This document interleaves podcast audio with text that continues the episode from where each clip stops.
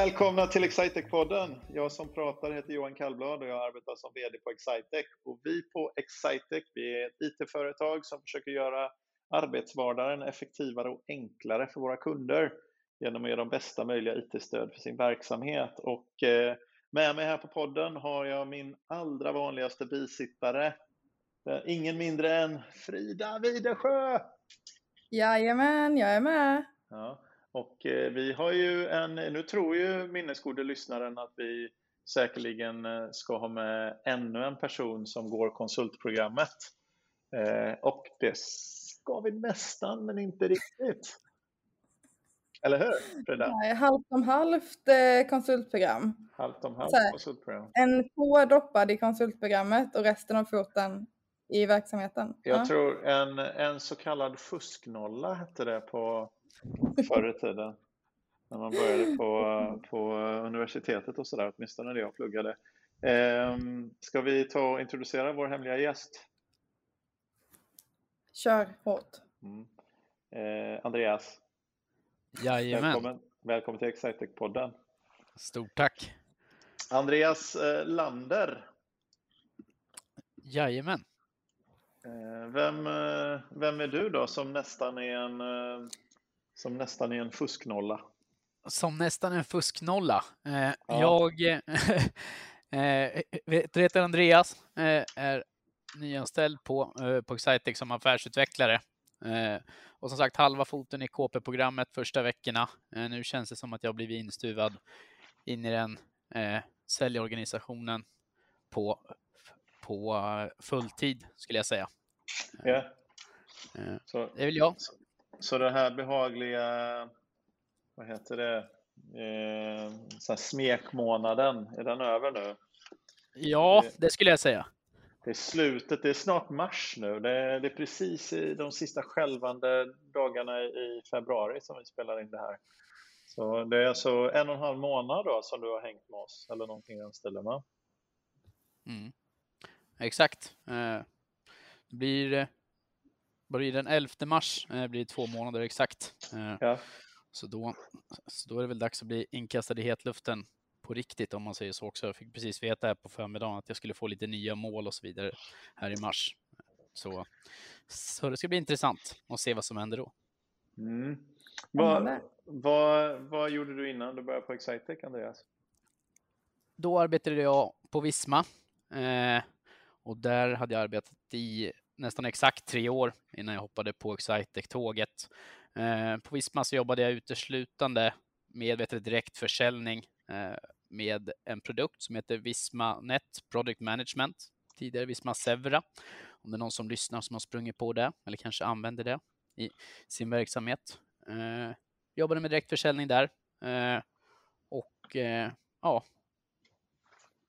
liksom skött egentligen alltså försäljningen utav alltså den produkten, men in-house då. Även en produkt som man säljer i partnerled varpå det varit ett ganska så naturligt steg att, att gå över till en partner när man valde att se sig om efter nya möjligheter känner jag. Ja. Vad gjorde du innan du kom till, eh, till Visma då? Innan jag kom till Visma eh, så arbetade jag på, på en lite mindre partner om man jämför eh, i alltså bolags eh, storlek kontra Excitec. Eh, visserligen sålde vi inga Visma-produkter där, eh, men, men det var ett bolag som heter Innosoft, eh, sitter ute i Årsta i Stockholm. Eh, och där så, eh, så sålde vi en amerikansk mjukvarulösning som heter Connectwise, eh, som sålde mycket mot, mot gamla Office IT-partner, eh, nuvarande Nordlo, eh, där vi sålde allt från fjärrstyrning, automatiska uppgraderingar, ja, alltså det är så IT-driftssystem Eh, kallar vi det. Ja. Och kunna även slå på mm. en del antivirus etc. därifrån. Mm. Men Andreas, det låter som att du har varit i IT-svängen ett tag. Ja, det skulle jag säga. Eh, jag valde väl att snöa in mig där. Eh, min tanke var väl alltså liksom till en början att jag skulle bli börs high, varpå jag valde att läsa ekonomi. Men utav en slump så hoppade jag på efter lite studier och började arbeta på ett bolag som heter Hexagon som har en filial i Eskilstuna, där jag är från ursprungligen. Eh, och där snöade jag in mig på, på lite teknik och lite olika programvaror som de hade. Tyckte att det var intressant. Eh, och när jag då valde att, att ta mitt pick och pack och bege mig mot storstaden så Eh, så vet dök den här chansen på Innosoft upp som jag tyckte lät intressant. Och sen dess har jag snöat in mig på, på IT-branschen, tycker det är väldigt kul. Och det händer mycket i IT-branschen och jag gillar att arbeta på, på ställen där det svänger mycket och det går fort. Hexagon, det, det, det är ett sånt där superstort eh, och framgångs, jätteframgångsrikt, riktig framgångssaga som har vuxit sig det är inget sånt företag som har alltid funnits och alltid varit stort, utan det är ett sånt företag som har vuxit och vuxit och vuxit säkert de senaste 20 åren eller någonting i den stilen och är, är ett enormt stort. Jag måste nästan googla och se, se hur stora de är här. Men det som jag nämligen har tänkt om Hexagon, och nu blir jag motbevisad eh, här ganska ordentligt. Det, jag har nämligen sagt att det är så konstigt med Hexagon för att de är jättestora. De har alltså ett börsvärde på över 200 miljarder kronor, så det är ett superstort företag. Men jag har sagt att jag aldrig träffat någon som jobbar där eller som vet vad de gör egentligen. Eh, så det är lite, lite läskigt, men då har jag gjort det. Så ja. Vad gjorde du på Hexagon? Där jobbade jag som sälj och marknadsassistent. Eh, och, eh, och ja, alltså, alltså satt egentligen som stöd åt säljarna eh, samt, samt skötte marknadsföringen för, för liksom just den här filialen som heter Hexagon Metrology eh, eh i, i Sverige. Då. Eh, så eh, ja, fixade mässor, eh, köpte marknadsföring, ja, allt i allo egentligen åt, alltså åt säljarna var väl deras liksom stöd på hemmaplan då, om man säger så. Mm. Hexagon Metrology är egentligen gamla C.E. Johansson, om, du, om, du, om någon av er kommer ihåg det. Eh, en uppfinnare från Eskilstuna som eh, eh tidigt 1900-tal som kom på, vad han kom på nu då? Jag glömmer glömt bort det själv nästan. Men eh, som kom på måttsatsen egentligen. Oh. Bra grej. Ja, men det, är väl mät, det är väl mätgrejer. Hexagon är väl liksom mätgrejer överhuvudtaget. Mäta alla möjliga, alla möjliga saker. En otrolig, otrolig framgångsfaktor. Apropå det här med att vara börshaj så ibland verkar det inte så svårt att vara, ibland verkar det väldigt svårt att vara börshaj, men ibland verkar det inte lika svårt. Men något som, eh, det som jag gillar när jag pratar med en del börsfolk, det är ju eh, den här tanken på att eh, om man, att de ofta försöker vara väldigt, väldigt långsiktiga. Så, så eh, om man kan vara, det bästa sättet att tjäna pengar på börsen det är att inte sälja sina aktier helt enkelt, utan att bara fortsätta, fortsätta, ha, fortsätta äga sina aktier. Och då kan jag som, som case in point kan vi säga att för 20 år sedan så stod Hexagon-aktien i 7 kronor och 94 öre och idag så handlas den i 708 kronor. Så att hade vi bara köpt eh, Hexagonaktier för 20 år sedan, svår, svår sak att göra i och för sig. Men hade man bara köpt Hexagonaktier för 20 år sedan så hade man bara kunnat sitta och behålla dem och bli snuskigt rik. Så det är bra tips till nästa liv. Om man, eller om man kan resa tillbaka i tiden. Det kommer inte funka va? Ifall alla börjar kunna resa tillbaka i tiden så kommer ju alla vilja köpa liksom Amazon-aktier på 1990-talet och sånt där.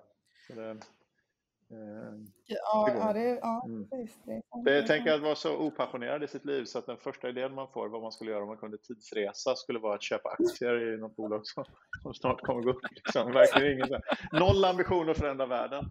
Någon, liksom, någon hade ju kunnat tänka sig att men, eh, ja, jag skulle uppfunnit någonting som fanns i tiden jag kom från och så hade jag revolutionerat, skapat det värdet. Så nu tänker jag, nej, jag ska köpa bitcoin när de stod i fem spänn.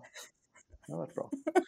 Ja, ja just det. Ja, börshaj, det är jag, jag, eller i huvudsak jag, jag ska säga jag och Andreas som pratar om de här börshaj-grejerna. Jag undrar, det är en sak som eh, stör mig lite nu. Vi har en ny klient för den här inspelningen och jag kan se dig Frida, men jag kan inte se Andreas. Varför kan jag inte se Andreas? Har han ingen kamera? det får du fråga Andreas. Det är inget tvång att ha på kamera. I, och eh, jag, vet, sant, jag valde egentligen att slå av den där, men jag kan nog få på den här på något sätt. Jag, jag tror han sitter i pyjamasbyxor. Det kan vara så att jag sitter i shorts i en lite mjukare soffa för att jag visste att vi skulle spela in en podd. Men på, men på överdelen har jag i alla fall en piké på mig. Så är... Ja. Det är bra. Jag själv har jag vit, eh, vit skjorta, och, eh, men eh, det är ingenting emot hur formellt uppklädd som Frida är, för hon har nämligen en vit knutblus. Knytblus. Mm. Det var mycket elegant. Ja, det är numera min favorit, så att eh, den kommer ni se mer av. ja, strålande. Du vet om att det är poddformatet inte inte är liksom ett samtalsformat i huvudsak. Ja. Jo, jo, men eh, de som följer mig på LinkedIn har ju redan sett den. Mm. Så att, eh, Köpte du flera jag... stycken likadana eller är det just ett exemplar? Ska vi tänka oss att du har tvättat emellan gångerna vi ser dig eller? Nej, jag har inte tvättat den emellan gångerna. Men jag är väldigt renlig av mig. ah, det är så. Jag är ju ganska erfaren vit typ av eh, människa då. Så, så jag har ju eh, ganska många vita skjortor. Så det är inte samma skjorta man ser igång från gång, gång till gång. Men däremot så är, hittar man ett plagg som man verkligen gillar, då är det ju en bra idé att köpa det i många exemplar av olika färger. Precis vad jag... Jaha, i olika färger. Jag skulle säga precis vad jag brukar säga till folk och så sa du det här i olika färger. Det bästa, vad, vad menar hon? En vit skjorta är väl vit? Ja, precis. Jag, vet, jag tror att skulle jag gå igenom min garderob skulle jag säkert hitta ett eh, minst ett 20-tal helt alltså vanliga svarta basic t-shirtar. Alltså det är nog mitt mest använda plagg tror jag. Utanför arbetstid. Det är så här, alltså liksom en svart t-shirt och ett par schyssta jeans. Det funkar alltid tycker jag oavsett liksom, alltså, alltså vart i världen man befinner sig eller på, på vilken restaurang eller på vilket café du är. Du skulle nästan kunna bilda klubb med Mats eh, Stegerman. Han eh, är ju en stor förespråkare av svart t-shirt. Ja. Vi, vi har annars funderat, det som man funderar på lite här när du kommer till, eh, till Eskilstuna. Så har vi faktiskt, Eskilstuna är en ort som eh, eh jag, jag, bara får för mig så att vi inte har så mycket kollegor från Eskilstuna. För vi har aldrig, vi har aldrig zoomat in på Eskilstuna så här i, i eh, podden. Men vad, vad har vi på Eskilstuna egentligen? Parken Zoo naturligtvis. Men eh, vad, vad, är, vad är liksom vad är värld, de stora värdena med Eskilstuna, Andreas? Vad är det man inte får missa när man kommer dit? Eh, handboll skulle jag säga. Eh, Guif, en väldigt klassisk klubb. Eh, känns som att, eh, alltså, liksom är du född och uppvuxen i Eskilstuna så har du åtminstone spelat ett år, oavsett om du spelar i Guif eller om du spelar HK Eskil. Eh, vad får man inte missa? Man får inte missa Kloster kyrka, klassisk, yeah. fin, fin byggnad. Eh, där jag faktiskt bodde precis mitt emot när jag, när jag hängde i Tuna, som vi säger. Eh, annars, eh, Fristadstorget har de precis gjort om här för ett par år sedan. Ett väldigt en spektakulär symbol där man har suttit en stor, oh, vad de nu kallar det, nål mitt på torget i krom som är ett 50-tal meter hög. Den får man inte missa att gå och fotografera sig när man kommer hit. Har ni motsättningar? För ni är ju lite så här lille, lillebror till Västerås, får man väl ändå säga. Eller? Det är så som jag, jag tänker mig i alla fall. Västerås är den lite större staden som ligger på andra, andra sidan Mälaren där egentligen. Men, men är det motsättningar mellan Västerås och Eskilstuna eller är det, är det ett för stort vatten emellan för att det ska bli det? Nej, men det är en del motsättningar eh, och framförallt på handbollssidan. Eh, om man, alltså om man ska liksom dra den parallellen igen. Eh, där Eskilstuna alltid har varit bättre än Västerås. Eh, så det kan vi stoltsera med. Eh, men annars så är det lite åt fel håll. Alltså jag tror att många hellre åker upp mot Stockholm än till Västerås. Det känns, eh, känns närmare i och med att det är relativt nära till Stockholm också. Och ja. Jag tror man glömmer bort att det är så pass nära Stockholm. Men det går pendeltåg va? Nej, det gör det inte. Det gör inte det. Men vi har dock fått ett, ett direkttåg, eller vi, de, Ja. Eh, som tar, tar 40, 42 eller 47 minuter tror jag. Så det är väldigt smidigt pendlings, pendlingsavstånd om man vill åka. Det börjar poppa upp sånt där. Jag tänker Smedernas stad. Nu kommer Frida bli snart, hon blir ju galen på mig när jag håller på och liksom droppar så här på spåret grejer om medelstora svenska städer. Men, eh, men jag försöker komma ihåg varför det kan. Men Eskilstuna är ju Smedernas stad. Men, eh, men jag kommer inte ihåg, alltså speedwaylaget är väl? Jajamän, och, och vet, Gamla stan, och vet, att Gamla stan där eh, är liksom Rademachersmedjorna. Eh, och det var där C. Johansson hade sin fabrik faktiskt. Ja. Så, nu, så nu är inne på rätt spår där Johan. Skulle ja, kunna alltså, sitta bra där i buren. Och dra ja, jag har fått en tillsägelse här av Frida att jag, ska, att jag måste liksom dämpa mig lite i frågan om det. Det skulle jag aldrig säga. Men min, min relation till Eskilstuna är enkom av Lilla Jönssonligan. Eh, så att eh, det är den referensen jag har. Mm. Berätta mer. Vad, vad hände i Lilla Jönssonligan för de av oss som inte är så här kalenderbitare. Va? Vad händer inte i Lilla Jönssonligan skulle jag nästan vilja säga. Det är ju den här eh, Cornflakes-kuppen, tror jag det, den heter. Eh, den utspelar sig där. Så att, eh, det är ju ett hett filmtips inför. Det är liksom lilla, om du funderar på liksom lilla Jönsson, se Lilla Jönssonligan eller liksom Gudfadern del 2. Så båda brottssyndikat. Eh. precis, precis. Ja, men eh, när jag sa innan eh, då eh, Andreas att det låter som att du varit i IT-svängen ett tag så tänkte jag att jag skulle ställa en följdfråga där om eh, vad heter det, hur, det, hur starten på Excitec har varit för dig som är lite mer erfaren i gamet. Mm. Eh, jag är eh, eh, superimponerad eh, utav starten på Excitec. Eh, I ärlighetens namn så var jag lite orolig här att liksom göra eh, alltså ett arbetsbyte mitt i corona och liksom, alltså liksom träffat Johan någon gång på Visma-kontoret, men aldrig kanske morsat sådär alltså riktigt ordentligt. Eh, att bli anställd genom webbmöten eh, och få framförallt inslussningen eh, på arbetsplatsen. Men jag är alltså mer än imponerad. Eh, där skulle jag säga det har funkat superbra.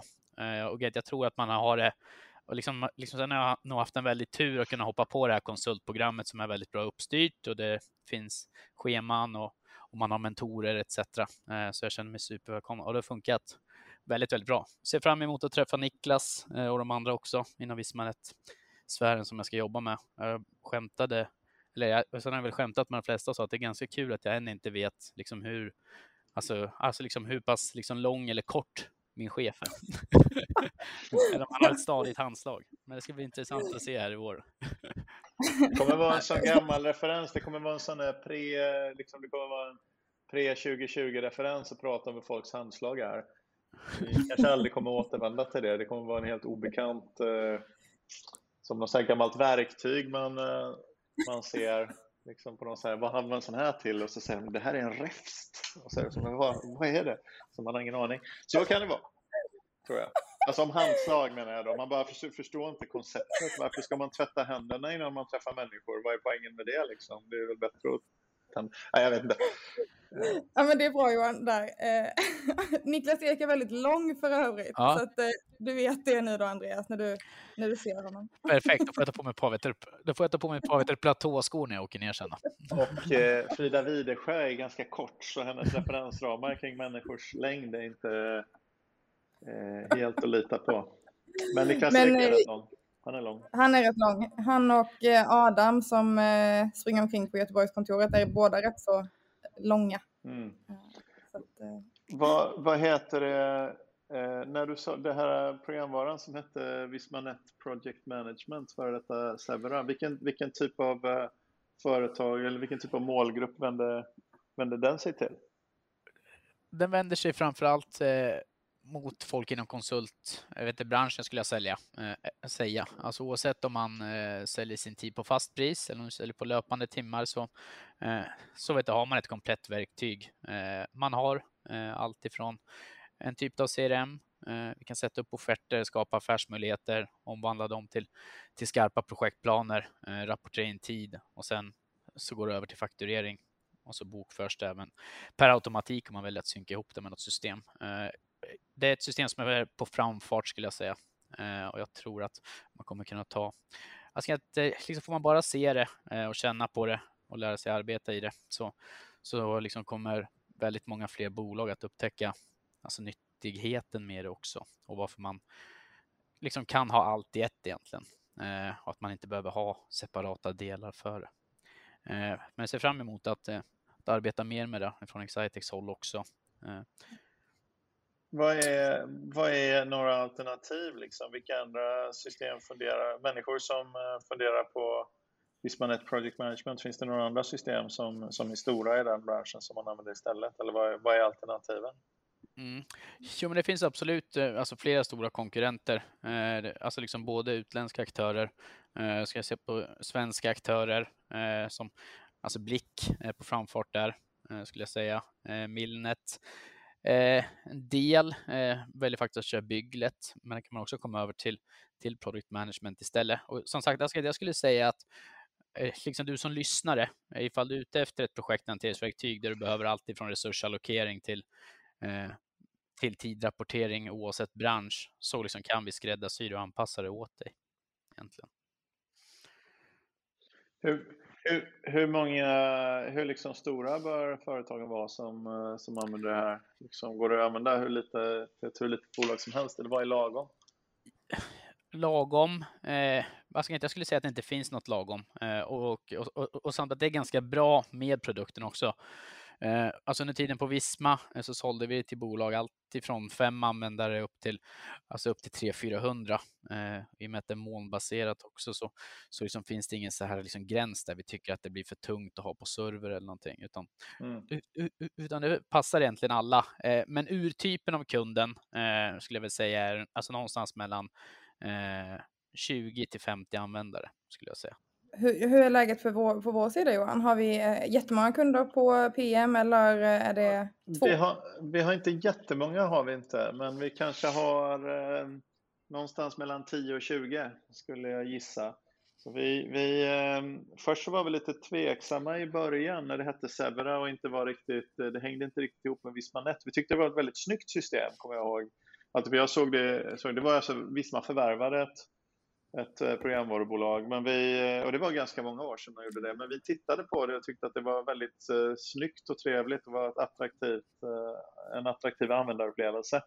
Gränssnittet var, var väldigt fint. Men så var det några funktioner som vi var tveksamma till. Men så framförallt var vi osäkra på hur väl det skulle hänga ihop med Visma. Men den, den kopplingen och den liksom ett tydliggörande kom ju med det när man började kalla det för Visma Net Project Management och så började det ingå i den Visma Net produktsviten. För vi jobbar ju väldigt mycket med Visma Net Financials som är ekonomisystemet. Då. I, i, eh, så det började hänga, hänga ihop i den sviten för halvannat år sedan, två år sedan eller någonting. Och då, och då så eh, började vi sälja det också och började leverera det. Och sen, eh, men sen har det inte varit Jag tror att en del företag har haft i den konsultbranschen det är ju inte den branschen som har haft det bäst under 2020, generella människor som, så att det har varit så lite försiktighet, för det är sådana som även sysslar med personaluthyrning och sådär. Man kan ju tycka annars att, att liksom om man har lite mindre att göra, det är en bra tid att investera i systemstöd och lära sig något nytt och sådär. Men jag, jag upplever det som att vi eh, eh det har varit ett litet mellanår 2020. Men det kanske inte är så konstigt. Det har ju varit, jag vet inte, det har varit någon, jag vet inte om du har läst om det i tidningarna, men det har varit någon form av eh, virusdriven eh, oro som, som... Nej, men det har ju faktiskt, så här är det, vi har ju det här med pandemi och sånt, vi har ju många områden av det som vi jobbar med, så har vi ju inte drabbats alls faktiskt av, av pandemin, bara vara väldigt, väldigt tacksam för det och, och ödmjuk för, för hur, hur bra vi har haft det och det har inte liksom direkt varit i våran försorg. Men just jag tror den branschen som Visma NetPM vänder sig mot, det är många företag där som har haft det lite trögare och som har varit lite försiktiga då. Så att, ehm, så att eh, det var, var ett litet mellanår 2020. Men det vet Andreas säkert mer om än vad jag vet. Ja, eh, det skulle jag absolut säga att det har varit. Eh, konsulter konsult är väl kanske den, alltså den typen av anställda om man säger så, som man kanske först Alltså, liksom, alltså som det är enklast att bryta med. Det krävs inga permitteringar för att, alltså för att inte ta hjälp av en konsult, eh, om man säger så. Eh, samtidigt så, eh, så liksom tror jag även att det här året har liksom gett, alltså gett folk möjligheten och framförallt tiden kanske att, liksom att leta efter sådana här typer av system också när man ser att, att man kanske inte alltid kan komma in till kontoret för att rapportera in tid mm. och så vidare. Eh, så det ska bli väldigt kul att följa utvecklingen för alltså under 2021 eh, och 2022 eh, och säkert tio år framåt för den här produkten. Den är väldigt, väldigt stor i Finland, vilket är att jag tror på den jätte, jätte, jättehårt. Det är lite kul där tycker jag. Alltså, liksom det här, vet du, som du var inne på med namnbytet Johan med att den hette Severa förut. Jag kan säga att det var fler än du som var nöjda med det. Det var lite halvsegt som säljare på Visma, äh, liksom på Visma när de trodde att du ringde från Servera och ville sälja gafflar och knivar ah, ja, och skulle boka ja, möten. Ja, ja. det var inget kanonjobb just i Sverige kanske. Nej, men jag, jag, tycker men det har alltid varit faktiskt väldigt, väldigt snygg programvara däremot. Det är lite intressant. Det har varit en, en väldigt elegant paketerad. Den har varit fin att titta på. Om någon nu tycker att det är viktigt eller inte, fast det är ju lite, det kanske inte är så viktigt i en programvara när man verkligen har lärt sig den, men i början för att man ska få till sig den så är det att den är, att den är fint paketerad. Normalt sett inom business to business programvara så är det lite mindre viktigt. Naturligtvis inom e-handel så är det oerhört viktigt att något är fint att titta på för då gör det, det är väldigt ofta som man gör eh, kanske en affär bara en gång eller, eller så man använder en och samma man måste kunna komma in och att det ska fungera direkt men till exempel rapportera sin tid det gör man väl kanske varje dag eller varje vecka så även om programvaran inte är så vacker så, så kan man säkert lära sig att stå ut med en ful programvara också. Det trappas väl också upp liksom ju, ju bättre programvara man vänjer sig vid och man får erfarenhet av att jobba i desto större krav får man ju också som användare på nästa sak. Rimligtvis att, så borde det fortfarande vara en konkurrensfördel. I valet mellan en, eh, en vackrare och en fulare programvara så borde vi föredra den vackrare. Naturligtvis. Ja, verkligen. När, när jag började jobba, det låter som jag började för jättelänge sedan, men det var rätt många år sedan jag började jobba.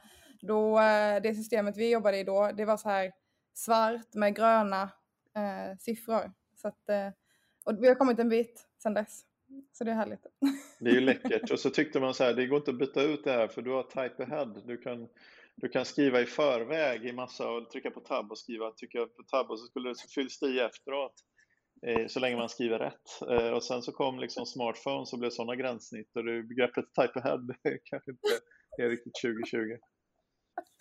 Precis. Men, eh, men Andreas, nu kommer inte jag ihåg för jag har briefat dig om det här i förväg, men vi har ju ett segment i podden som heter Någon berättar om något. Mm. Har jag berättat för dig om det? Ja, Eh, ja. Det har du gjort. Eh, jag satt faktiskt och funderade på det, alltså både igår kväll och här på förmiddagen, liksom vad jag skulle börja, alltså, liksom, alltså att försöka komma på liksom för ämne. Eller, eller hur? Fast inte det vi är inne på nu. Jo, det är det vi är inne på nu. Bra. Ja, det är bra. Eh, och sen så, och så satt jag och tänkte, bara, jo men ska, ska jag börja prata om Zlatan? Eller kommer det bli en väldigt så här, tudelad diskussion? Därför antingen så brukar man ju som svensk, antingen så tycker man om Zlatan eller så tycker man inte om Zlatan. Eh, så att jag kollade på nyheterna igår och så såg jag istället att, eh, att eh, sommarresan, eller vet, semesterresorna hade ökat. Så då tänkte jag istället fråga er vad ni har för plan när coronan är efter? Alltså, har ni något liksom drömresemål som ni tänker att jo, men alltså, så fort det är över, då liksom tar jag två veckors semester och bara sticker dit, stänger av telefon eller hur ser ni på det? Ja men gud vilken otroligt bra vändning han gjorde här Andreas tycker jag. För jag, jag bara sett i sig bara tagga upp för att snacka lite Zlatan. Jag, jag, kan inte förstå hur man inte kan eh, tycka, och jag menar inte att jag tycker om allting som Zlatan gör, men man kan ju inte absolut sett vara missnöjd med den bästa svenska fotbollsspelaren på 40 år. Men eh, på, och där gjorde jag något av en värdering. Jag håller helt med dig. Nu vart jag glad. Ja, då har man haft ett konstigt liv. Men hur eller hur, Frida Widersjö, vart ska ja. du? Nej, men det, det, ja, I podden förra året någon gång eh, när vi pratade inför sommaren, eh, då var det en del cancelled plans inför resor och sådär. Så var det ju. Men nu är ju läget så att de flygbiljetterna jag hade då har jag fortfarande kvar, men nu går de ju ut denna sommaren. Eh, så nu är det så här, nu är det dags att boka eller stanna hemma och vi kom i helgen fram till att det blir en semester i sommar också. Så att nu, nu är det final, flygbiljetterna brinner inne. Eh, så det var ju tråkigt. Eh, men vi har bokat en stuga på, eh, nej, Öland blev det till slut, för allt på Gotland var fullt redan. Så att eh, vi fick ta det näst bästa alternativet. Jag skulle vilja prata om en, eh, när vi vill, jag skulle ha, jag har en, eh, en corona prediction faktiskt som jag skulle vilja prata om, men vi kan parkera den till, eh, till lite senare. Ehm, men jag är, om det är min tur att svara, jag hade ju tänkt förra året då att hyra ett hus i, i Portugal tillsammans med mina barn och Eh, alltså för jag har då eh, en myndig dotter och en myndig son och sen så de inte, och speciellt sonen har flyttat hemma, hemifrån så att det är inte alls så säkert att man får med sig dem. Men jag hade tänkt att, att åka ner i två veckor och eh, hänga i Portugal med mina barn bara och eh, sen eh, i vecka nummer två så skulle det komma ner några, några vänner som har ett barn som har i, i eh, i min yngsta sons ålder som skulle hålla lite sällskap. Och det, det gick ju inte alls att genomföra. Så, men det är väl, och jag har inte tänkt ens, jag har inte ens vågat tänka så himla mycket på det, för jag har mentalt ställt om lite. Att jag, jag orkar inte med att ta beslutet att inte åka ett år till. Så att jag, jag inte, men det är väl det som är det mest, eh, det mest naturliga. Annars är jag så otroligt sugen på, på skidåkning i Dolomiterna, men eh, jag inser att det kommer inte bli, det kommer inte bli 2021. Fast jag var faktiskt så pass fräck eh, att jag fick ett mejl här, jag tror det kan ha varit en tio dagar sedan, om att SAS hade, att de hade poängrabatt. Jag vet inte om de försökte boka upp eh, och fylla upp eh, sina kalendrar. Då gick jag faktiskt in och bokade ett flyg ner till Kroatien eh, där jag har min lilla pärla och egentligen varit ända sedan jag var liten har vi varit nere i Kroatien eh, i och med att min, min farfar kommer därifrån. Eh, så vi har ett, haft ett hus eh, utanför Split i en stad som heter Trogir. Eh, så Oj. dit, eh, min tanke var att försöka komma dit redan förra sommaren. eh, Men det var Har du varit i, har du varit i Trogir, Frida? Nej men det här var ju lite komiskt för det var ju till Kroatien vi eh, avbokade resan ifrån. vi skulle ju, vi hade ju hyrt ett hus där eh, utanför, eh, på någon ö. eh, Utanför, eh, ja. Så nej jag har inte varit där än. Är Var och Vis och Solta.